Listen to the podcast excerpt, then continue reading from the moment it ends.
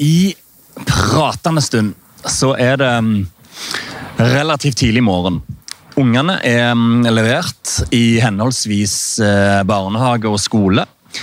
Og mm, jeg er klar for en utflukt. Jeg er klar for en utflukt for å besøke siste gjest i første sesong av Våre vinnere. Det er mulig det blir noen bonusting på tampen av året, men siste ordinære gjest, iallfall. Og denne gjesten er faktisk nummer 29 siden Ståle Solbakken åpna ballet i slutten av mai. Og fy søren så lærerikt det har vært. 28 ulike karrierer, 28 ulike perspektiver på å lykkes og bli best, og 28 ulike mennesker. Og i dag skal jeg altså på kjøretur for å treffe nummer 29. Og på veien dit, og apropos mennesker, og kanskje et lite ekstra apropos til det mennesket jeg skal møte i dag, så må jeg innrømme at jeg er ørlite irritert over en ting. Og den irritasjonen øh, kommer til å gjøre at innledningen i dag kommer til å vare bitte litt lengre enn eh, normalt. Som seg hører bør kanskje foran eh, siste episode av første sesong. Men det jeg er mm, litt lei over og irritert over, og ganske så undrende over, er ei greie med oss mennesker. For hvorfor er det sånn? Hvorfor er det sånn at vi alltid skal trenge en alvorlig hendelse i livet? Enten med oss sjøl eller med noen vi har en relasjon til, nært eller perifert, for at vi skal skjønne at livet er skjørt.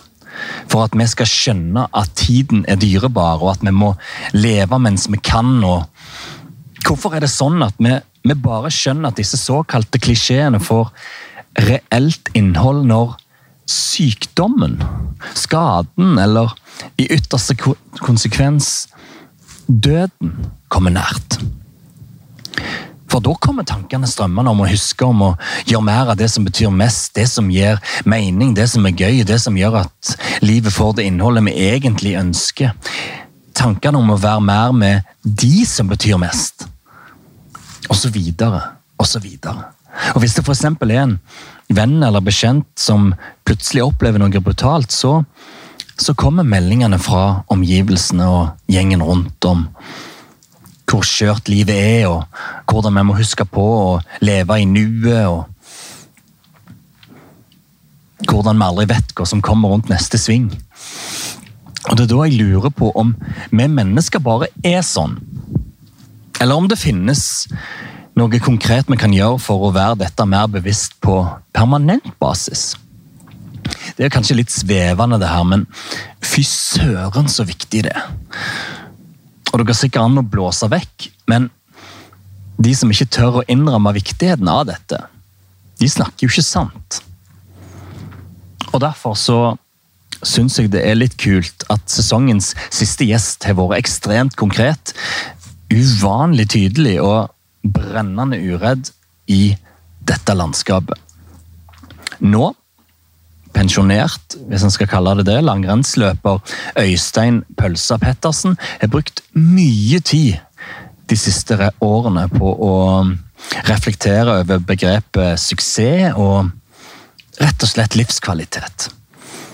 Han har engasjert og ektefølt, evaluert og knadd på erfaringene fra idretten, næringslivet og livet, og endt opp med en metode han bokstavelig talt lever og ånder for. Og som nå altså er gitt ut i bokform med tittelen Helt konge. Og oppi alt som det sprøeste og nærmest mistenkelig merkeligste var Øystein Pettersen bare marginer fra å dø dagen boka ble sendt i trykken. Og får altså testa sammenhengen mellom liv og lære, svevende mellom liv og død i et helikopter på vei til Rikshospitalet. Dette vil jeg høre alt om. Jeg vil høre alt om den dagen og om dagene som har gjort at han har fått dette perspektivet i forkant. og samtidig blitt uredd og tøff nok til å slenge det ut der, til å, til å ville formidle det. For vi må jo være ærlige på at dette er ikke første boka om eh, selvutvikling og livets skole som er, som er, utgitt. Så jeg er jo spent på hva han sjøl mener gjør akkurat hans tanker verdt å gi ut. Og så skal jeg prøve å glemme Eller jeg skal ikke glemme, jeg skal prøve å ikke glemme at han er olympisk mester. Og har hatt en fantastisk karriere som en av verdens beste langrennsløpere. Og i avslutningen av karrieren som en av verdens beste langløpere. Men jeg har en følelse av at samtalen kommer til å handle mer om livet enn idretten. Selv om det ofte, og som det har lært uh, meg og oss gjennom de siste 28 gjestene, at uh, det ofte er to sider av samme sak. Men det er jo bare ti uker siden Øystein Pettersen var nær ved å miste livet. Og det gjør jo at vi fikk satt ting i det perspektivet vi mennesker trenger for å kunne snakke om det, som vi skal gjøre nå. Nå gleder jeg meg til å møte Øystein eh, Pettersen. Let's go to Lillehammer.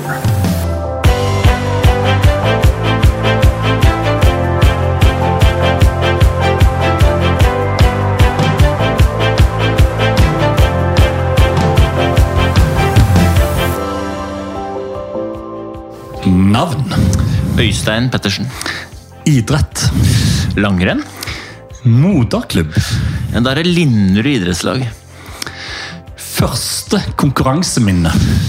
Ja, altså det Jeg har tenkt litt på, jeg har jo hørt på podkasten før, og da må jeg faktisk si Linderud-trimmen. Som var et sånn uh, ukentlig løp vi hadde oppe i, bak krigsskolen på Linderud. Så jeg sier Linderud-trimmen.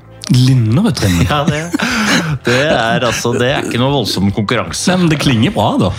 Veldig, veldig bra. Jeg, altså, det er sånn at Når jeg er i Groruddalen i ny og ne nå, så løper jeg gjennom løypa ennå og tenker nå mimrer jeg tilbake igjen. Mm. Største opplevelse på idrettsbanen? Ja, det er så Det er så mange Det er så mange opplevelser, da, men jeg husker nok kanskje best siste gang jeg kryssa en målstrek og ga fattern en klem i målområdet. Eh, som takk for reisen, faktisk. Jeg vil si det. Takk for turen. Ok, så du setter det høyere enn olympisk gull og Ja, altså det Resultater er innmari gøy. Eh, men det har ikke så mye med suksess å gjøre. Eh, min idrettskarriere har aldri vært eh, den med mest eller best resultater, men jeg har opplevd det som en kjempesuksess. Og fattern og mutter'n og søstera mi har vært en stor del av det. da.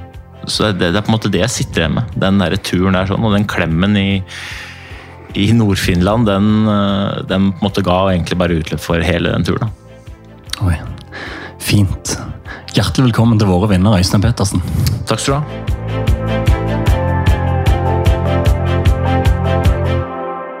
Jeg har lyst til å beskrive settingen litt. Vi sitter nå i um, din families hus på Lillehammer, Øystein. Mm.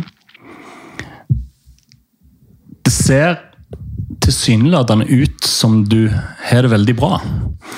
Men jeg føler at før vi går videre og, og jeg tenker litt på det mens jeg skal stille dette spørsmålet, for nå skal jeg spørre deg om hvordan du har det.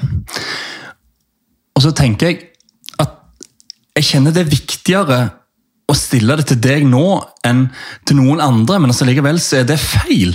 For hvorfor, hvorfor er det sånn at av jeg vet at du har vært igjennom noe livstruende, så er det viktigere å stille spørsmålet til deg hvordan du har det? Og, og det tenker jeg at Hvorfor er det sånn? Ja, Det er i hvert fall et innmari godt spørsmål som jeg har reflektert mye rundt selv. Fordi at uh, Ja, vi kan ta det. Altså, jeg holdt på å miste livet i oktober. Jeg fikk uh, hjernehinneblødning. Um, og det gikk veldig bra. Kun pga. marginer, kun pga. Uh, kall det flaks eller englevakt, eller kall det hva du vil. Um, og så spør folk hvordan det går, og så svarer jeg at det går veldig bra. Og det går jo veldig bra, og jeg um, har reflektert mye rundt det spørsmålet du stiller, for det du stiller er liksom Hvorfor er ikke det like viktig også et, altså uten at man har opplevd en sånn der krise? Det er jo så veldig Hvorfor er det sånn at vi må liksom ha en sånn derre nesten-katastrofe eller gjennomgå en nesten-ulykke eller sånn, før vi virkelig reflekterer rundt hva det er som betyr noe. Hvorfor er det sånn at vi eh, først blir bevisst på hva f.eks. suksess er eh, når du er i ferd med å miste alt, eller at man tar et retningsskifte etter at man opplever noe dramatisk. Eh, men, men, det går veldig bra med meg, takk. Eh, og så er jeg også blitt enda mer bevisst på hva som faktisk betyr noe for min egen del. Eh, men jeg er også stolt av å si at jeg har ikke tatt noe voldsomt retningsskifte etter 7. oktober. Fordi at jeg føler at jeg har vært, vært, disse mekanismene ganske bevisst en god stund. Det har ikke alltid vært sånn, og jeg har nok også vært i den litt sånn overfladiske bobla til tider. Men de siste årene så har jeg prøvd etter beste evne å være ganske bevisst på disse tingene. Men takk, det går veldig bra. Så godt å høre. Jeg ble ekstra bevisst på dette, for det Når jeg ble kjent med hva som hadde skjedd med deg, så kjør, kjørte jeg i en bil til samme plass som jeg er i dag, Lillehammer. Hørte på den um, flotte podkasten du har sammen med Hanso. Hans Olav Ingholm. Ingholm. Fin fyr. Fantastisk fyr. Og han tapetserer for øvrig topp ti-lista mi på Spotify i 2021, så, så det skal han ha. En flink musiker. Ja, Nå kommer han til å bli så glad når du sier dette. Han er jo høy på seg sjøl fra før av, men det er bra. Men det som skjedde da, var at jeg satt i bilen på vei opp til en jobb på Lillehammer. Og så setter jeg på podkasten der du forteller om det som har skjedd. Og så blir jeg fysisk dårlig. Jeg må stoppe bilen, for jeg syns det er så vondt å høre om. Og så må jeg stoppe bilen, for jeg klarer ikke å kjøre videre. Men så snur den tanken seg til at Fy søren, nå I dag skal du være ekstra god på jobb, Knut. I dag skal du gå den ekstra meteren. Og så ender jeg opp med at når jeg kommer på hotellet der jeg skal holde et foredrag. Så jeg bitte litt hyggeligere enn jeg pleier å være til hun i resepsjonen. og Jeg går ned trappene og møter de jeg skal jobbe med. Smiler litt bredere enn vanlig. Og så tenker jeg, Hvorfor er det sånn at en trenger sånne opplevelser for å bli påminnet akkurat det? Nei, Jeg i hvert fall sitter og smiler når du forteller historien. Jeg kjenner meg innmari godt igjen. da. Um, jeg har ikke noe godt svar på det, uh, jeg godt, men jeg, jeg tenker at um, dette dreier seg jo om litt sånn flåsete, da, men hvordan vi bruker tida vår. Og så tenker man at man kanskje har så ubegrensa mengde med tid. Og så tenker man at det kanskje dreier seg om disse ytre ting. Vi jager liksom prestisje og titler og penger og status og kanskje medaljer. Og, og så glemmer man at på en måte ta inn over seg hvordan man bruker egen tid, hvordan man bruker egne ressurser, men også hvordan man faktisk er og har lyst til å være. Det der avtrykket man har lyst til å sette når du treffer folk eh, på i resepsjonen, eller du treffer folk på jobb, eller du treffer folk på butikken. Liksom det, der, det avtrykket du setter, enten du vil eller ikke, så vil du påvirke de folka du møter. Og De fleste har jo lyst til å påvirke folk positivt, ikke nødvendigvis bare for å være en sånn der positiv uh, fyr eller dame, men òg for å føle seg selv bra. Da. Jeg gjør så godt jeg kan. Um, og det er jo kanskje lett å glemme i hverdagens kjas og mas, hvor man er opptatt med å være opptatt og løper rundt et sånt hamsterhjul og, og, og, streber etter disse tingene som vi tror betyr noe. Um, jeg, jeg, messer rundt sier 'lag en god dag', sier jeg. Så, mm. Folk blir meg litt provosert av det når jeg sier sånn 'lag en god dag'-pølse'. Det har ikke du noe med. Men det er jo akkurat det jeg vil. da, liksom Trykke på de knappene. på at selv om det er en haug av ting der ute som påvirker oss, så kan du alltid styre hvordan du faktisk er. da. Og så er det ikke noe straff å gå inn i resepsjonen å være hyggelig mot de folka som du vil ha hjelp av, og som du vil samhandle med. Det å skape gode relasjoner, å skape øyeblikk og til å sette positive fotavtrykk hvor enn du går, det er jo ikke noe straff. Og når alt kommer til til slutten så er det jo det det dreier seg om. Du spurte meg om viktigste minne på, på idrettsbanen. og det, var, det er jo den der, hele den turen jeg har hatt sammen med de folk jeg har fått lov til å oppleve de tingene jeg har fått lov til å oppleve med. Og så får det kulminerer det en god klem bak en smøretrailer i, i, i Levi, sammen med fattern. Men liksom det Det er jo det vi husker. ikke sant? Hvordan vi faktisk har vært. Og, dette er jo en slags klisjé, da. Det, og det er jo det! Herregud, Carpe diem, liksom. Grip muligheten, grip nuet, lev i nuet. Alle disse tingene. Men jeg vet jo hva man tenker når man ligger i et ambulansehelikopter og ikke vet om man overlever dagen eller ikke. Og det, jeg kan i hvert fall bekrefte at det har ikke noe med penger eller status eller medaljer å gjøre. Det er alt med relasjoner, med tid, og hvordan du faktisk har vært. da. Men det du sier at folk blir provosert når du snakker om denne det lag en god dag og det du nevner som klisjeer. Hvorfor blir folk provosert, og hva sier de til deg? Mm, nei, altså Folk blir provosert fordi de sier ja, det er, det er, lett for deg å si pølsa, men du kjenner ikke min hverdag. Du vet ikke hvor mye styr jeg har, det er så mye stress, eh, det er så mange ting jeg må gjøre. Eh, og da opplever jeg at folk Ikke alle, men en del i for stor grad er et offer for, eller en konsekvens av omgivelsene. Ikke sant? De er bare opptatt med å være opptatt, istedenfor um, å faktisk ta et standpunkt til hvordan de bruker tid, energi, ressurser. Og hva slags avtrykk de faktisk gjør, hva det er de bruker, hva det er lyst til å få til. Jeg mener jo at i dagens samfunn, som er bygd opp rundt så mange distraksjoner og så mye sånn forventninger, så hvis man ikke tar et aktivt valg om å ikke bli dratt inn i det hamsterhjulet, så er man der.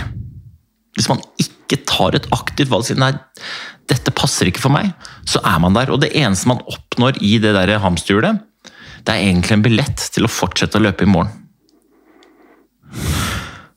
Nå, det kan godt hende at jeg provoserer, men jeg, jeg, jeg mener jo at altfor mange er i live. Og altfor få lever. Det mener jeg. Blir det forsterka når du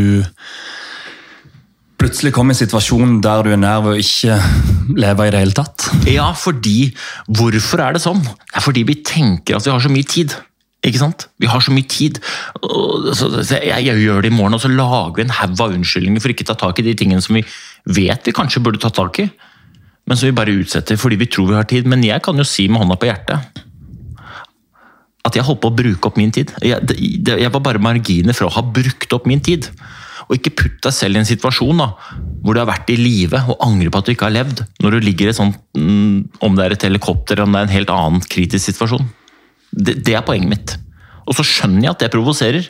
Og så skjønner jeg at folk står på, og så skjønner jeg at folk er opptatt. Men det endrer ikke det faktum at hvis det hadde vært slutt i morgen, så er det veldig synd å angre på at ikke du har levd skikkelig og vært i live eller faktisk brukt mulighetene i dag. da. Istedenfor bare vært opptatt med å være opptatt, fordi at det er så mange krav som du mener at du må tilfredsstille. Men hva var det som skjedde den dagen? Når du sikkert i likhet med andre dager var i ferd med å, å lage en god en. Eh, når den plutselig var nær ved å ta slutt? Nei, altså dagen starta som dette er en torsdag. Hver torsdag så følger jeg ungene til skolen. Det er virkelig helt konge. Suveren start på dagen. Gå ned der sammen med ungene. og Vi møter flere andre kids i nabolaget, og så går vi sammen. Så gikk jeg tilbake igjen, så hadde jeg et digitalt møte med redaktøren i en bok som jeg har skrevet. Sendte den i trykken, og skulle jeg feire med en sykkeltur. Så dro jeg ut og sykla. Det var um, en av de første frostnettene på, på Lillehammer. Det var kaldt, det var klart, det var helt vindstille. Jeg hadde på meg lue under hjelmen, sykla ut, blid og fornøyd. Um, så kom jeg opp til noe som heter Nordseter rett oppi her, og så begynte jeg å kjenne liksom at jeg var stiv i nakken. Så først så tenkte jeg at det var fordi at jeg ikke hadde sittet på sykkelen på en stund. Og så trodde jeg at det var, så begynte jeg å få vondt i hodet, og da tenkte jeg kanskje det er pga. at jeg har lue under hjelmen. Så jeg begynte å justere på det, det hjulet bak på hjelmen som på en måte jeg følte at hodet ikke fikk plass. ikke sant? Det, det var sånn trykk inni hodet. Og I løpet av veldig få minutter så gikk det fra jeg gikk fra å føle meg helt konge til å føle meg helt elendig. Så jeg klarte å komme meg hjem. Jeg, tipp, jeg vet ikke, men jeg brukte sikkert en times tid på å sykle hjem. Jeg vet ikke, I ettertid vet jeg ikke hvordan jeg kom meg hjem, men uh, kom meg hjem, så satte jeg meg ned rett bak der hvor du sitter nå, og så satte jeg med øynene igjen og bare prøvde å samle tankene. Og hodet sprengte jo, eh, så når jeg skulle lukke opp øynene for å ta meg sykkelskoa, så kasta jeg opp, opp på flisene. Jeg bare tømte liksom hele magen og alt. Dette er jo ikke bra. Og jeg fikk rydda opp, og så kom jeg meg opp i senga, la meg opp i senga. Og da hadde jeg altså så vondt i hodet at jeg måtte, liksom, jeg måtte røre på beina for å flytte fokus fra hodet og over til noe jeg kunne kontrollere. For hodet hadde jeg ikke sjans til. Så ringte jeg til en, en kamerat som er lege, og som har pappaperm, som jeg visste var hjemme. Og Jeg ringte han egentlig for å høre om, han, om jeg skulle ringe til hjelp, men han var ute og kjørte. Igjen marginer. Men han var ute og kjørte, altså jeg kom med en eneste gang. Så han henta meg, fikk meg ut i bilen, kjørte meg rett ned på akutten mens jeg satt foran og kasta opp i en Kiwi-pose på vei ned til akutten. Så ringte han etter akutten, sa hva som var på for... Han fortalte aldri meg hva det var. Han fortalte meg, eller han fortalte de på akutten hva han kom med. Og når jeg kom ned der, så sto det et helt legeteam klart. Kasta meg på en båre.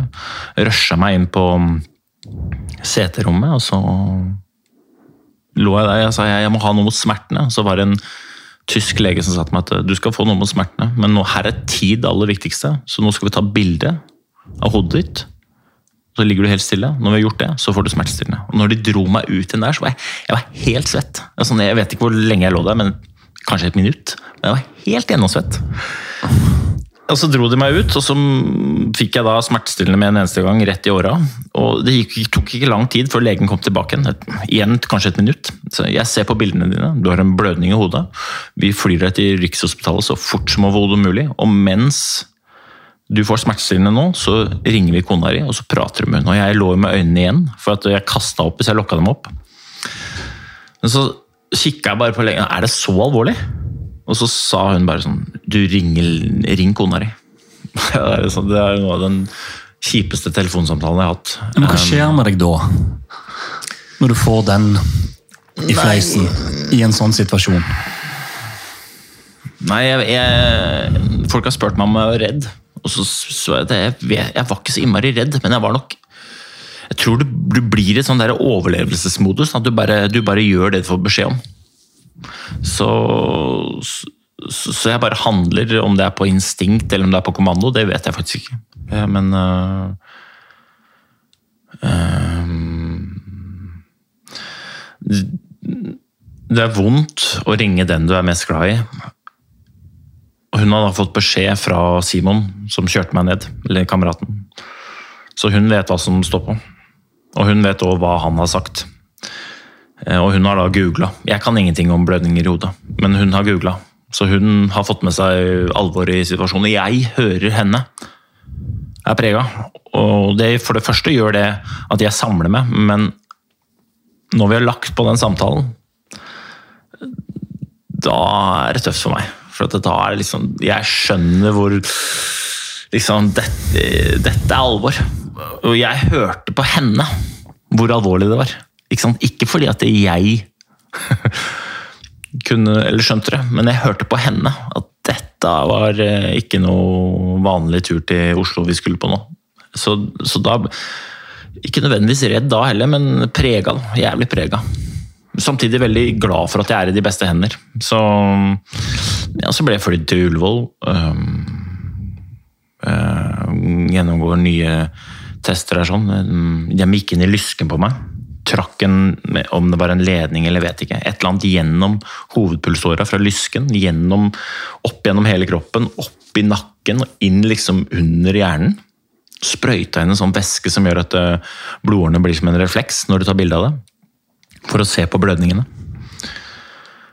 Og så rusha jeg videre på et uh, sånt akutt intensiv overvåkningsrom hvor jeg lå aleine, men jeg hadde én sykepleier som passa på meg 24 timer i døgnet. Og dette var da torsdag ettermiddag. Da, og fredag ettermiddag så kom det en lege inn og sa at de har sett på bildene. Og sa at jeg kunne pusta letta ut i forhold til at jeg kom til å beholde livet. Jeg var ikke livstruende skada.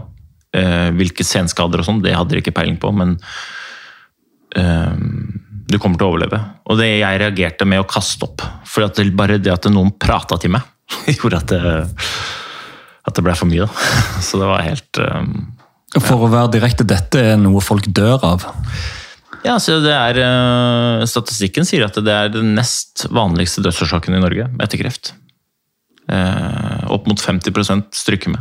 Det er bare 5% av de som får en eh, blødning i hodet. Enten, det finnes noen ulike varianter. Jeg fikk da hjernehinneblødning. Men det er bare 5% som kommer fra det uten varige menn. Gjennomsnittlig sykemelding er 11 måneder. Det er drøyt to, siden, nei, to, måneder siden det skjedde, og jeg er allerede tilbake inn i full jobb. Og jeg har ikke gjort jeg har ikke gjort noe fantastisk. Jeg har bare hatt marginene på min side. Og de som, de som er på den dystre siden av denne statistikken, de har ikke gjort noe gærent. De har bare hatt mindre marginer enn meg, og det er jo det vonde i det. Eh, så de som De som blir provosert av min 'lag en god dag', de som blir provosert av mine floskler, de må holde seg unna meg, for det blir ikke noe mindre av det framover. Det må være ærlig å si. Men var det noe tidspunkt der du begynte å reflektere over det som kunne ha skjedd, og hvor heldig du var? Altså, var eller har det kommet nå i ettertid? Ja, Både, både og, da. Uh, både og, Men det er klart at der og da så er det liksom bare opptatt av å få Gjøre det du blir bedt om å gjøre. Gjøre det best mulig. Og, uh, men det er klart at i ettertid så har jeg tenkt på det er mange tanker som jeg jeg har tenkt på nå. Um, alt fra ungene mine til kona til, til helt superegoistisk med mitt eget liv. Da, hva jeg eventuelt hadde gått glipp av. Så det er jo det er mange ting der jeg har reflektert rundt, som jeg um, ennå ikke har sikkert ferdig prosessert, men som jeg på en måte trykka til meg, og som gjør at det der um, det budskapet, både rundt Lag en god dag, men også det jeg skriver om i boka, er blitt enda viktigere for meg. Jeg jævlig stolt av at jeg ikke gikk inn og endra noe i boka. Eh, på en av de siste sidene i boka så, så skriver jeg at hvis alt har vært over i morgen Hvor stolt er du av hvordan du har brukt tid, energi og ressurser? Og det, liksom, det spørsmålet er, eh, det er viktig for meg. Altså. For det er det det dreier seg om. Da. Og er, jeg mener jo helt alvorlig at det er ikke mangel på kunnskap uh, rundt disse tingene som gjør at vi um, ikke tar tak og, og begynner å, å leve istedenfor å være i live. Det er mangel på å faktisk bare gjøre. Og så finner vi opp disse unnskyldningene, og så ja, sier man at ja, ja, veien blir til mens man går, og så før man veit ordet av det, så har eh, veien blitt dritlang. For Denne boka du snakker om, den ligger, ligger foran oss her. Den heter Helt konge. Og det er et bilde av deg der du ser ut som du er det helt konge. Og den ble altså levert i, i trykken dagen dette skjer. Ja. ja det, er, altså, det, um, det, det, virker jo som det er regissert. Som at det skal være en handling som skal forsterke budskapet. Ja, det var Hans Olav, som jeg har en podkast med, han sa at vi Det er jo, det er jo dritkynisk å legge inn en rolig hjerneblødning i forhold til å forsterke sitt eget budskap. Men um, jeg, er stolt av den boka, da, og så er jo ærlig på at det er ikke noe det er ikke, det er ikke noe rakettforskning som står der. Men det er dritviktig. Og så har jeg, og det sier jeg også, jeg reiser mye rundt og gjør som deg, holder mye foredrag, holder mye innlegg, treffer mye folk, jobber mye med folk. Og så sier jeg at verdien, om det er i boka eller i mitt bidrag, er altså forsvinnende liten i seg sjæl. Det er jo eventuelt hva du velger å bruke det til. Ikke i betydningen at du skal svelge alt, og heller ikke i betydningen kaste alt på båten, men ta og reflekter litt rundt hva disse temaene betyr for deg, da, før du går videre. Fordi at det er så dumt å angre på at du ikke har gjort det en gang i framtida. Jeg var heldig å fått lest boka. Du, du er ærlig, du er direkte, du er konkret. Og hvis en skal være ærlig, og la oss være ærlige, så er jo ikke dette den første boka i verden som er skrevet om selvutvikling. Det er ikke den første kokeboka på, med oppskrift om hvordan du kan eh, få det bedre som menneske. Men hva er det med denne boka, Helt konge? Hva er det med denne kongemetoden som du beskriver? Som gjør at du brenner så veldig mye for dette? Som gjør at du mener dette er ei bok som er verdt å gi ut? Ja, Det er et godt spørsmål. Det er mange, det er mange ting rundt det, da, men um, kanskje den aller største driveren er jo Jeg har vært innmari heldig. Jeg har fått lov til å øh, jobbe i, i og rundt miljøer hvor man på en måte har veldig fokus på å prestere. Eh, og så ser jeg at det, på en måte, mekanismene bak det å få til noe, enten om det er som idrettsutøver, eller om det er i arbeidslivet, eller om det er i hverdagslivet, de er jo helt like. Mekanismene for å få til noe er helt like. Og så har jeg lyst til å dele det jeg har lært av folk som har vært ganske gode til å få til noe. Sånn, bryter det ned til helt enkle ting som alle kan få til. Og så mener jeg òg at grunnen til at vi trenger denne metoden, er fordi vi trenger et klart strategi på hvordan vi skal angripe om det er målsetninger, eller om det er drømmer, eller om det er utfordringer eller hverdager. Det er det ene. Og det andre er at jeg opplever at vi som samfunn har forelska oss i et sånt suksessbegrep som ikke gjelder for alle. For det dreier seg om prestisje, titler, penger, OL-gull og det liksom Hvis det er suksess, da, så vil jo det frarøve en haug av folk muligheten. Jeg sier at eh, gode resultater er kjempegøy, men det har ingenting med suksess å gjøre. Det å bli best er kanskje bare for noen få, men det å lykkes er for alle. Og det er det, og Kall det gjerne en klisjé, men det er det boka dreier seg om. Da. For det, Dette her er mekanismer som alle kjenner, alle kan ta i bruk, og som jeg vil garantere at alle sammen vil mestre. Og det vil være suksess. Jeg definerer eh, suksess som en følelse. Det er den følelsen du har når du står opp om morgenen og når du legger deg om kvelden. Den følelsen du har når du treffer mennesker på din vei gjennom dagen. Og den følelsen du skaper gjennom å være den du har lyst til å være. Og Hvis jeg skal på en måte samfatte den følelsen i to ord, så er det helt konge. Men jeg opplever at vi i litt for stor grad da, ikke er bevisst hvordan vi skal gjenskape den følelsen. Det er det boka handler om. Men bare det at du ikke nevner OL-gullet som din største opplevelse på idrettsbanen, det kan jo for noen kanskje være provoserende. Eh, og så er det i alle fall beskrivende for dine tanker om suksess, og det boka handler om. Ja, øh, altså Misforstå meg rett, det å vinne olympisk gull det er et både fantastisk resultat og innmari gøy, men jeg vil jo sidestille det med å få til noe helt annet som du har jobba med over veldig lang tid. Ikke sant? Og øh, jeg er veldig stolt av at jeg har vært i stand til å vinne et olympisk gull, men så er jeg også veldig bevisst på at det var jo bare tilfeldigheter som gjorde at jeg faktisk kom hjem med den medaljen. Eh, for det første så i Altså, Vi snakker OL 2010. Mm. Jeg gikk to renn i det mesterskapet. Det ene var en individuell sprint. Og Der tror jeg hadde vunnet olympisk gull alene. Hadde det ikke vært for Alexei Poltoranin som tråkka meg på høyresida i finalen så jeg tryna. Jeg presterte godt, men tilfeldighetene ville det til at resultatet ble seks. Fordi jeg tryna. Og så En uke senere så blir Olav Wiggen Hatsa syk. Det er tilfeldig, det òg.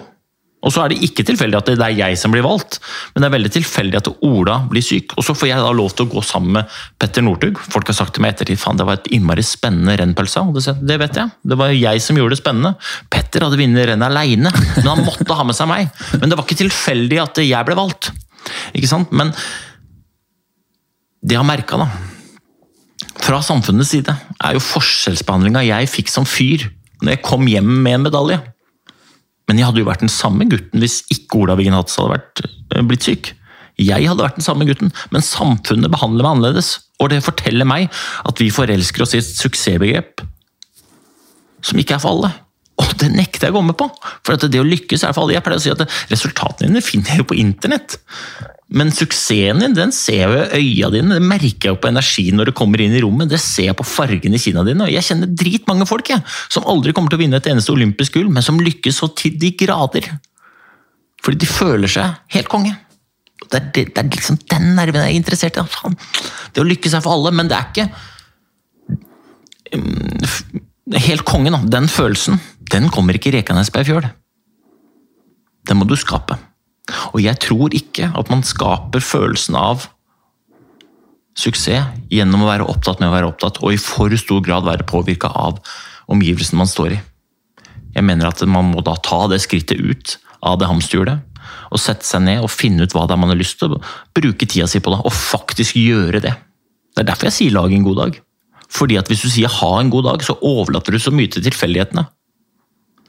At det er ikke sikkert at du føler deg helt konge når dagen er ende. Og jeg skal ikke moralisere over det, men jeg vet at det kan være over i morgen. Ja, det vet du. Og det var noe du skrev i boka om det OL-et. Jeg er jo litt merkelig skrudd sammen, men eh, det som rørte meg mest med den OL-historien, det var den uka du hadde sammen med Ola Vigen Hattestad. Fra du hadde mislykkes individuelt, og så ble det bestemt at Ola Vigen Hattestad skulle gå teamsprinten med Petter Northug. Og du hadde ei uke sammen med han der alt handla om å gjøre han klar til å vinne gull for Norge. Der alt handla om å være en god, god lagkamerat. Mm. Ligger det naturlig for deg? Å snu tankesettet sånn? Ja, Det er et godt spørsmål. Jeg, jeg, jeg tror nok det blir veldig klysete å si at det ligger naturlig for meg. Jeg tror jeg, Svaret på det er at jeg har vært en brikke i et, et lag som har vært ganske bevisst i disse tingene. Du har hatt folk fra alpinlaget, eh, og de snakker om de samme mekanismene. Dette dreier seg jo om eierskapet til eh, kulturen. Eh, og jeg hadde aldri vært i stand til å vinne et olympisk gull hvis ikke det hadde vært for den kulturen jeg var en del av. Og det samme hadde vært med Ola, og det samme hadde vært med alle. Så når jeg da blir bedt om Eller jeg blir ikke bedt om det engang. Jeg, jeg skjønner min rolle. Så fort jeg faller i den der sprintfinalen, og Ola Wingen Hattestad som da blir nummer fire, og Petter Northug som blir nummer tre, og det er amerikansk uttak, så skjønner jeg hvem som skal gå den stafetten. Og så skjønner jeg at min jobb da er jo å sørge for at vi i størst mulig grad har mulighet til å vinne den der stafetten. Så dette er bare en konsekvens av den kulturen som vi skapte. Eh, og så kan det godt hende at jeg har noen menneskelige egenskaper som gjør at det er lettere for meg, men, men jeg tror svaret på det er eierskap til den kulturen som vi har lyst til å gjøre. Eh, og den, eh, den jobben jeg gjorde, den øh, kosta meg ingenting, egentlig. Selv om jeg helst skulle gått den stafetten sjæl, i utgangspunktet. Så kosta det meg ingenting å legge til rette for at vi sprintgutta skulle prestere. Eh, og så fikk man jo syretesta dette enda mer da, når Ola Wiggen Hattestad dagen før et olympisk skirenn sammen med Petter Northug, som på den tiden var verdens desidert beste skiløper, kjenner litt rusk i halsen. Jeg er overbevist om at Ola og Petter hadde vunnet det gullet.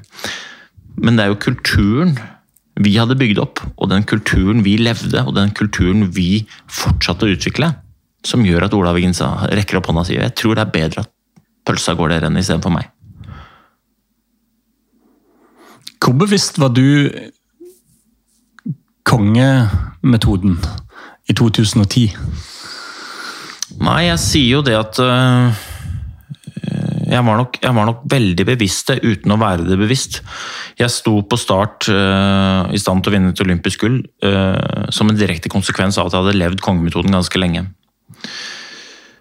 Men fra 2010 og til 2014 så gikk jeg vekk fra det som hadde fått meg på start til OL så god som jeg var, og ble mer en konsekvens av omgivelsene, ble mer dratt i alle retninger, ble mer opptatt med å være opptatt, og ble mer også jagende etter disse ytre tingene som egentlig ikke betyr noe. Og som da førte til at jeg til slutt uh, var for dårlig til å være på det norske landslaget og mista jobben som skiløper. Eh, så fram til 2010 var jeg det veldig bevisst, og så hadde jeg ikke konkretisert disse tankene. som jeg har gjort nå i den boka. Og så fra 2010 til 2014 så gjorde jeg det motsatte. Og det førte til at jeg verken presterte godt på ski, eller at jeg var en god pappa etter hvert. Eller at jeg følte meg helt konge. Altså Uansett hva slags resultater jeg skapte i den perioden, så følte jeg meg aldri helt konge. Og når jeg ble kasta ut av landslaget, så var det veldig lett og begynne å gå tilbake til tegnebrettet. For da måtte jeg ikke sant? Da måtte jeg jo ta tak. Og da var det veldig lett å begynne å følge metoden igjen. Og da, i løpet av veldig kort tid, så gikk jeg fra å være en skiløper som ikke orka å snurre fort nok rundt i en 1 km-løype, til å bli en ganske god langløper. Og en av verdens beste langløpere. Men viktigere enn det var at jeg følte meg helt konge. Fordi at jeg visste at hjemme så satt eh, en familie som jeg hadde tid til, og som jeg hadde lyst til å tilbringe tid med, og som jeg faktisk tilbrakte mye tid med. Så, så det har, men det har jo klart at det har vært en modningsprosess. Det har det. Men hva var det som gjorde at det OL-gullet ikke fungerte som en inspirasjon og motivasjon? Ja, Det er altså et kjempegodt spørsmål. Da. Ehm, jeg tror litt av svaret ligger i VM 2011, faktisk. Fordi at det i for, å bli bedre For å hele tiden bli bedre, så må man drive med utvikling. Og i utviklingsbegrepet så ligger det et premiss om prøve og feile. Og selv om jeg vet at jeg måtte bli bedre, så turte jeg ikke å ta sjansen fordi jeg var redd for å feile. Er det noe man ikke har råd til inn i en VM-sesong, er å feile. Så frykten for å feile, frykten for å ikke kvalifisere meg, i jakten på å bli litt bedre, så valgte jeg bevisst å bare vedlikeholde. Og så vedlikeholdt jeg det jeg hadde, uten å bli noe bedre. Og så reagerte jeg på den utviklinga som konkurrentene mine skapte, etter beste evne. Og når jeg da gikk VM i Oslo, så var ikke jeg noe dårligere enn i 2010. Problemet mitt var bare at vi så på mine prestasjoner i lys av de som hadde drevet med utvikling. Jesper Modin fra Sverige han hadde drevet med utvikling hver eneste dag siden vi dro hjem fra Canada. Han vant den prologen. Jeg drev med vedlikehold. Jeg var ikke noe dårligere, men Jesper Modin og 40 andre hadde blitt bedre. Og det var mitt problem. Så Men Hva er det som gjør at du ikke skjønner at du må drive med utvikling foran et VM i din egen by? Jeg tror det er frykten for å mislykkes. Helt alvorlig. Jeg tror at den største feilen jeg gjorde i de årene, var frykt for å mislykkes. Ikke nødvendigvis i, i betydningen mislykkes så mye at jeg ikke skal mestre alt på første forsøk, men i forfengeligheten. Hva syns Knut om meg hvis jeg viser at eh, jeg ikke får til alt på første forsøk? Hva syns folk om meg hvis jeg viser seg at ikke denne olympiske gullmedaljen bare var rene tilfeldigheter? Hva syns folk om meg? Så istedenfor å prøve å gjøre og drive med utvikling, så bare valgte jeg det trygge. Og det trygge er å si jeg er så god som jeg er, og det, det var godt nok i 2010, og da er det helt sikkert godt nok i 2011. Og så vet alle sammen, også jeg, at det at du er god i dag, ikke nødvendigvis betyr at du er god nok i morgen. Det betyr bare at du er god i dag. Og det er ikke noe automatikk at du fortsetter å bli god da, eller fortsetter å bli bedre. Um, men her er jeg inne, og dette er jo inne på oss i, i metoden, for dette, dette, gjelder jo ikke bare idrett, dette gjelder jo i livet. Hva er det som hindrer oss i å fortsette å drive med utvikling? Hva er det som hindrer voksne mennesker i å fortsette å lære seg nye ting? Hva er det som gjør at vi mister nysgjerrigheten, gleden, gløden, det derre engasjementet som, som, unger har? da? Hvorfor er ikke voksne like nysgjerrige som barn? På alle ting som er rundt oss, hvor vi kan bli bedre. Det er ingen, ingen voksne som har lært barna sine noen gang å gå. Altså Setningen 'nå må du snart lære deg å gå, Knut', den har aldri blitt sagt til deg. Det er bare, det er bare et sånn gen du har i deg. Vi blir trigga til å drive med utvikling. Utvikling er ikke noe vi må starte med. Spørsmålet er hvorfor i all verden har vi slutta med det? Eh, og Jeg tror mye av svaret ligger på frykt og forfengelighet. Og så kan det være mange andre ting også, som jeg skriver om i boka, men jeg tror liksom det er kanskje det Frykt for å mislykkes og forfengelighet, eh, sammen med at vi tror vi har så innmari mye tid, er de to største hindrene. Så kan det kan godt hende jeg provoserer, men hvis, hvis, vi er helt ærlige med oss sjæl så tror jeg vi er altfor dårlige til å tørre å drive med utvikling. Tørre å ta sjansen.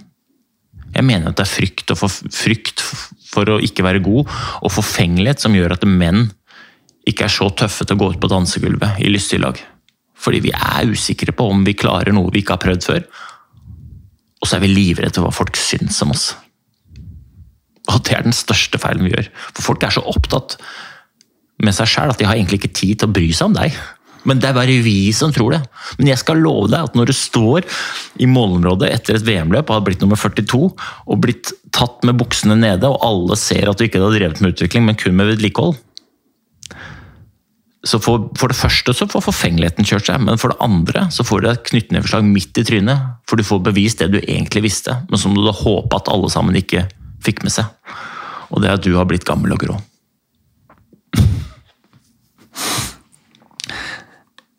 Er det disse tingene du beskriver nå, som gjør at Petter Northug vant masse, og du ikke gjorde det?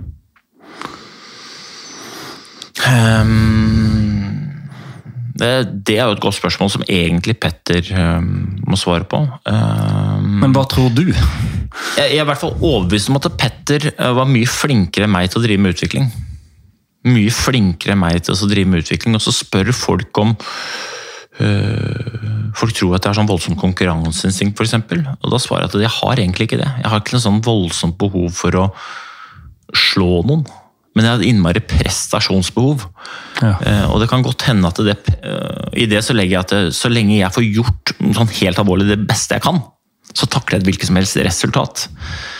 Eh, men det kan godt hende at i toppidretten, da, hvor det dreier seg om å vinne, at det ikke holder. da. At det er grunnen til at Petter for eksempel, har vunnet mye mer enn meg. Det kan godt hende at han gjorde jobben bedre også, og det er jeg helt sikker på at han gjorde. I hvert fall fra 2010 til 2014 så er jeg helt sikker på at han gjorde en bedre jobb enn meg. Um, men jeg, um, jeg mener at um, det å vinne, det er uh, kanskje bare for noen, men å lykkes er for alle. Det, det, dette mener jeg. Og det kan godt hende at jeg ikke var god nok til å vinne. Men jeg vet at jeg var bedre enn jeg fikk utløp for i årene mellom 2010 og 2014. Men jeg gjorde ikke jobben. Og da får jeg, da får jeg takle det. ass. Men jeg er ærlig på at den, den perioden her så skusla jeg vekk masse tid. Tid jeg ikke hadde. Og muligheter jeg ikke hadde også. Og så sier folk sånn ja, man må ha jævla mye viljestyrke vet du, for å vinne. Petter har sikkert jævla mye viljestyrke. Så jeg tror eh, Petter har mye viljestyrke, men det har jeg også. Det er mange der ute som har innmari mye viljestyrke, men det er jo mye viktigere med vinnerevne. Evnen til å få til noe, istedenfor viljen til å gjøre det. For det, det er ikke den som trener mest, eller jobber mest, eller er mest opptatt, som får til mest. Det er de som får mest ut av det de faktisk legger ned, som oppnår mest. Resultater er konsekvenser av de tingene du gjør, de handlingene du faktisk gjør. Da. Så viktigere enn viljen er jo evnen. Og noen ganger handler det om å bremse. Petter Northug kunne si 'jeg er sliten'. Jeg tar fire dager på sofaen. Mens jeg kunne si 'fy faen, i dag er jeg sliten', men nå er det helt rått å stikke ut og trene, for nå ville folk sikkert hvilt. Og så førte det bare til at jeg ble mer sliten. Og det å bli sliten, isolert sett, det er ikke noe suksessfaktor. Det er derfor jeg sier at folk er opptatt med å være opptatt også. Det å komme hjem hver eneste dag etter jobb og føle seg som en våt ullsokk, det er ikke noen suksessfaktor. Det er ingen som føler seg helt konge da. Så hva, er det hva er det du jakter, og hvordan er det du prøver å få det til? Men Sett ut fra denne kongemetoden, hva er en vinner, da? En vinner er en som får til det de har lyst til å få til, og som faktisk eh, bruker tid, energi og ressurser på de tingene som de faktisk har lyst til å få til. Og så skjønner jeg også at man har en haug av krav som man må gjøre. Men en vinner er en som gjør de tingene, og som gjør de skikkelig, og som setter det avtrykket de faktisk har lyst til å sette innenfor det. Og som ikke i tillegg blir revet i alle øh, bauger og kanter av ytre påvirkninger, av distraksjoner som ikke betyr noe for en selv, men som man bare føler at man må gjøre, og som ender opp med å bli sliten. Det er det jeg definerer som en vinner. Men det handler ikke noe om resultater. Når du vokste opp i, i Groruddalen, var du opptatt tidlig av å jage resultater? Nei, og det har jeg egentlig har du aldri vært det? Ja, det er feil å si vet du, at jeg aldri har vært det. For jeg også blir jo drevet av anerkjennelse. Jeg også liker å bli anerkjent. Jeg også er jo veldig glad når du kommer inn og sier at jeg har lest boka di. Fader, et godt stykke håndarbeid. Jeg også blir jo drevet av disse tingene. men jeg har aldri liksom, jeg har aldri definert resultater og korrelert det direkte med, med, suksess eller med verdi. da. Jeg dømmer folk for hvem de er, ikke for hvor fort de løper rundt i skauen i tights, eller hvilket resultat de får i bedriften sin. Men det jeg lærte i, i Groruddalen som har prega meg mye, er jo det derre at Det faktum at vi er ulike. Og det at vi er ulike, ikke betyr at du er bedre eller dårligere enn meg, eller at jeg er bedre eller dårligere enn deg, men at vi er bare ulike. Og at det at vi er oss selv flåste nok på vårt beste, ikke betyr at vi trenger å sammenligne hverandre. Bare så lenge vi er faktisk den vi har lyst til å være. Eh, og det har prega meg. da. Altså, jeg har vokst opp i et miljø hvor det var like vanlig å ha med seg couscous eller eh, kebab eller eh, samosa til matpakke som det var å ha med seg brødskive med salami. Og det at vi var ulike, var egentlig en styrke. da. Det var det er mange som har lurt på hvordan jeg kunne bli skiløper i Groruddalen. Det tror jeg var ganske lett, fordi det var mer normalt at jeg holdt på med det, og de andre holdt på med noe annet, enn at noen gjorde det samme. Så, så det har nok prega meg mye. Sitter jo og snakker om hvorfor du ikke vant så mye som Petter Northug, og de tingene der, men faktum er jo at du har hatt en strålende karriere, og du har vært en av verdens beste skiløpere. Og hva var det som gjorde det, tror du, i hovedsak at du klarte å dra det så langt? Ja, det er jo et godt spørsmål. Jeg tror uh, Nei, jeg, vet. Jeg, er innmari god til å gjennomføre. Jeg er innmari god til å gjennomføre, og hvis det er uh, hvis det står på planen, så gjør jeg det. Jeg er god til å gjennomføre.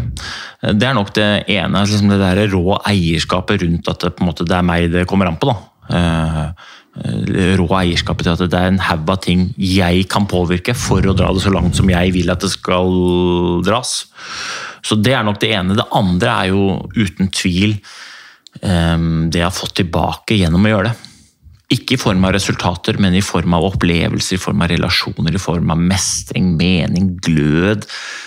Uh, liksom det trøkket som er skapt. Da. Folk har liksom lurt på hvordan uh, hvordan det du holdt det gående, liksom?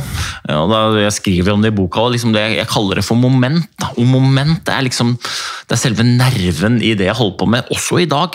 Og, og jeg håper at jeg aldri mister momentet. For moment er for meg liksom selve nerven i det å lykkes. Det er liksom den følelsen du har når du er på vei dit du har lyst til å komme. Og Den må du skape. Og Hver gang jeg gjør det jeg har planlagt å gjøre, og gjør det skikkelig, og er stolt av det, om det er denne podkasten her sånn, eller om det er å følge ungene mine til skolen, eller om det er noe helt annet Hver gang jeg gjør det, så skaper jeg da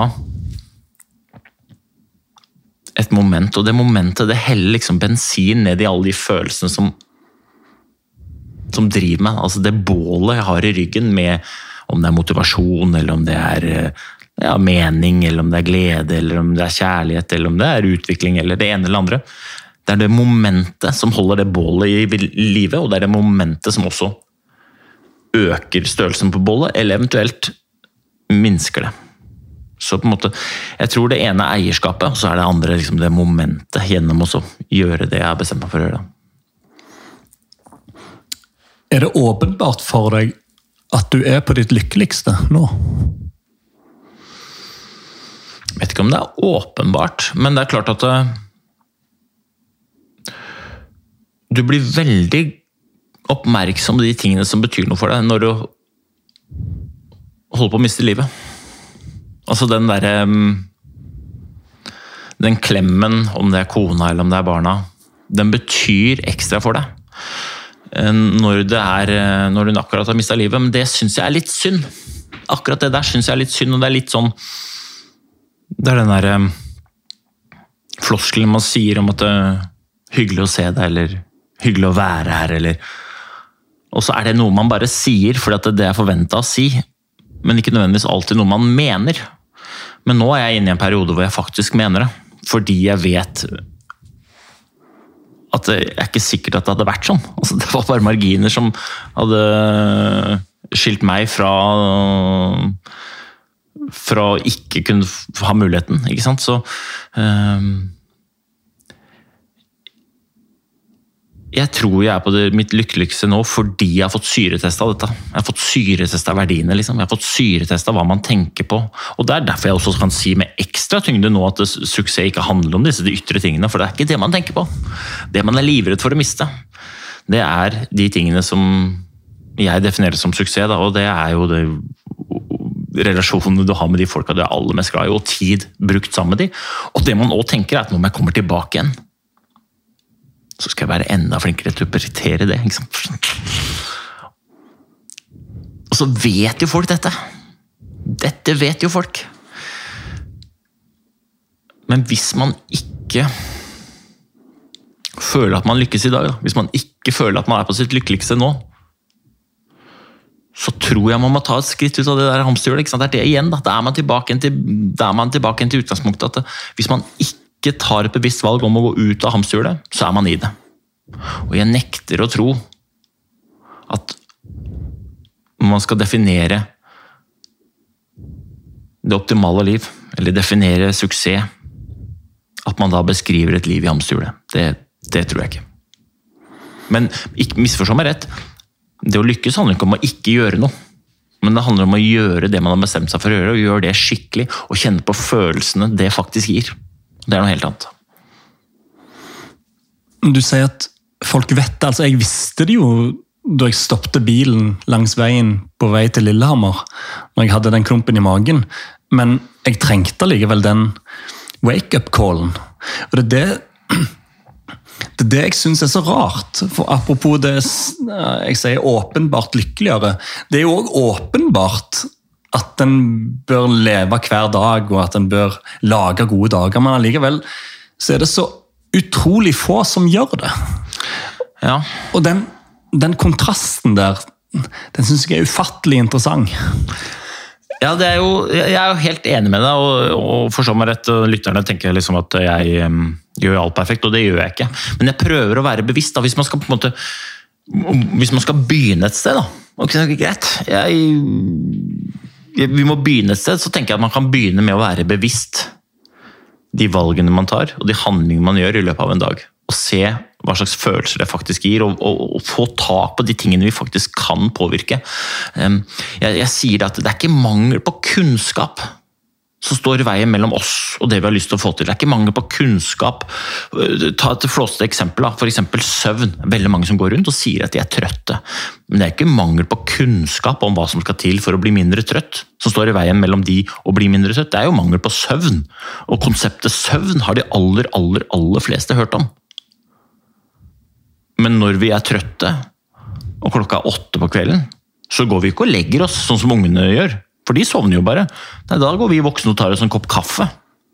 Og så holder vi ut litt til, fordi det er ikke sosialt akseptert å gå og legge seg når man er trøtt klokka åtte. Så venter vi til Kveldsnytt er over klokka kvart over elleve, og så går vi og legger oss. Og så våkner vi opp dagen etter enda trøttere. Og så syns vi det er veldig rart, men vi fortsetter å kjøre på. Kunnskap og Kompetanse er to forskjellige ting. Kunnskap det er de tingene vi vet. Kompetanse det er jo når du bruker den kunnskapen til å faktisk gjøre. Det er ikke mangel på kunnskap som gjør at folk kjører i 60 i 50-sona. Det er mangel på kompetanse til å bruke kunnskapen. Jeg hadde Brede Hangeland som gjest for et eh, par uker siden. Og Da prata han om tomrommet som kommer etter en karriere når du er blitt vant til å bli hylla av 80 um, 000 hver helg. Så plutselig så er det melk og brød og sykkel til barnehagen. Og da, jeg, da var jeg i gang med å lese boka di. Og da tenkte jeg på kongemetoden mens han sa det. For den metoden vil jo automatisk gjør livet meningsfullt når lyset skrus av i Premier League. Mm. Hvis en klarer å stille om og sette seg nye annerledes mål som betyr like mye. Ja, og da er man litt tilbake til måte, hva er suksess. da? Hva er det vi egentlig jakter? Hva er det vi um, måte, Det er jo lett å tenke at uh, melk og brød og følge i barnehagen er, eh, er, et styr. Sammenligna med 8000 og en scoring på Anfield. Nå har jeg aldri gjort det. Eh, men det er ikke den scoringa på Anfield du tenker på når du ligger i det helikopteret. Det er jo melk og brød og muligheten til å følge i barnehagen. Muligheten til å gi de folka du er mest glad i, en skikkelig klem. Muligheten til å være nysgjerrig, muligheten til å faktisk gjøre de tingene du har lyst til å gjøre. Muligheten til liksom å påvirke. Da. Og jeg jo, når jeg slutta på ski, for eksempel, så slutta jeg på ski ikke fordi jeg var lei av å drive med idrett, men fordi jeg hadde lyst til å bruke tida mi på ting som betydde mer. Jeg, når jeg eh, fant ut at jeg måtte legge opp, så var det fordi jeg plutselig kjente at men dette betyr jo ikke nok lenger. Jeg kan ikke forsvare all den tiden jeg har lagt ned, og den tiden jeg må legge ned for å få lov til å leve av det. Det betyr ikke nok. Jeg må finne noe annet. Og det har vært helt konge, virkelig. Men det er det samme metodikken jeg bruker nå som da. Det er bare at målet har forandra seg. Og det gir meg jævla mening. Det gir meg sinnssyk mening.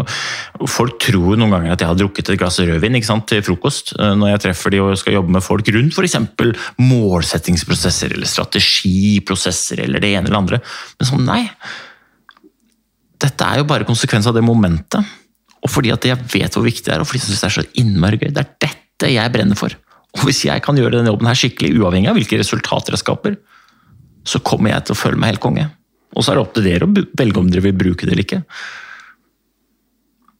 Utøvere som, som gir seg, og som måte, kanskje føler den der, eh, det tomrommet, da. For det er mange som gjør det? Ja, eller, det er jo sånn, Vi hører i hvert fall om de som gjør det, og så tror jeg det er jo veldig mange idrettsutøvere som legger opp som ikke kjenner det, men, men de hører vi kanskje ikke noe om. Mm. Men jeg føler jo kanskje at de som de vi hører om, da de har eh, De mangler noe å um, Ikke fylle tiden sin med, men mangler noe å kjenne verdi på. De, mangler, de har et annet syn på suksess enn det jeg har. Og da er man veldig sårbar. Den dagen man ikke klarer å skape de resultatene lenger. For da blir du stående med ingen resultater. Og hvis da du har definert suksess som å være best, så blir du veldig sårbar den dagen du ikke har muligheten til å være det lenger. Så Det er derfor jeg sier at det å bli best, det er kanskje for noen. Men det å lykkes, og dette høres flåsete ut, men det å lykkes er for alle. Men jeg tror at man har større sjanse for å lykkes dersom man definerer hva det å lykkes faktisk betyr, og gjør det som skal til for å få det til. Hva er dine mål nå? Godt spørsmål. Jeg har et innmari flåsete mål, i hvert fall sånn jobbmessig så er målet og, visjonen å gjøre en forskjell. Eh, gjøre en forskjell. Jeg har jo vært heldig og fått lov til å jobbe sammen med mye mennesker i det siste. Jeg har reist rundt og holdt masse innlegg. Men målet er jo å gjøre større forskjell enn det jeg får gjort på disse innleggene. så Derfor har jeg skrevet boka. Eh, og så har jeg mål om å lage en konferanse. Den skal bli helt konge. Jeg skal samle masse mennesker. Og så skal vi sammen lage en helt kongedag hvor jeg skal invitere de folka jeg mener er best til å prate om disse tingene som jeg brenner for. Og så skal vi sammen skape en atmosfære hvor folk reiser hjem og tenker 'dette her får jeg til'. Så det er, det er målet på jobb. Og utover det så er målet å være en god pappa og en god ektemann. Altså, det er mine to viktigste titler, og jeg vet at det er det jeg definerer som virkelig suksess. Så jeg skal bruke mest mulig tid sammen med de folka jeg er aller mest glad i. Hva var det du tenkte på når du fikk klemmen av pappa? Det er man takknemlig, ass. Uh, og helst skulle jeg hatt både mutter'n og søstera mi der også. Uh, og alle som har kryssa min vei. Men um, takknemlighet over at folk har vært med på turen. Og ikke bare lagt til rette, men tatt del av det også. Takknemlighet. Jeg pleier å si at når jeg blir gammel, så skal jeg fortelle historier. Skal sitte i en gyngestol, gjerne foran en peis. Ha barnebarn på fanget og dele ut camphordrops. Og så skal jeg sitte i den gyngestolen og fortelle historier. Jeg skal fortelle historier som jeg har laga, og som jeg er stolt av å fortelle, og som jeg håper at folk har lyst til å høre på. Og i dag så skal jeg lage de. Øystein Pettersen, det er fortsatt relativt tidlig på dagen, men for meg så er denne samtalen et grunnlag for en god dag. Jeg ser konturene av en god dag i enda sterkere grad enn før jeg gjorde når vi starta samtalen. Og Det tar jeg som et godt tegn. Tusen hjertelig takk for at du ville være med i, i Våre vinnere. Takk for at jeg fikk lov til å komme.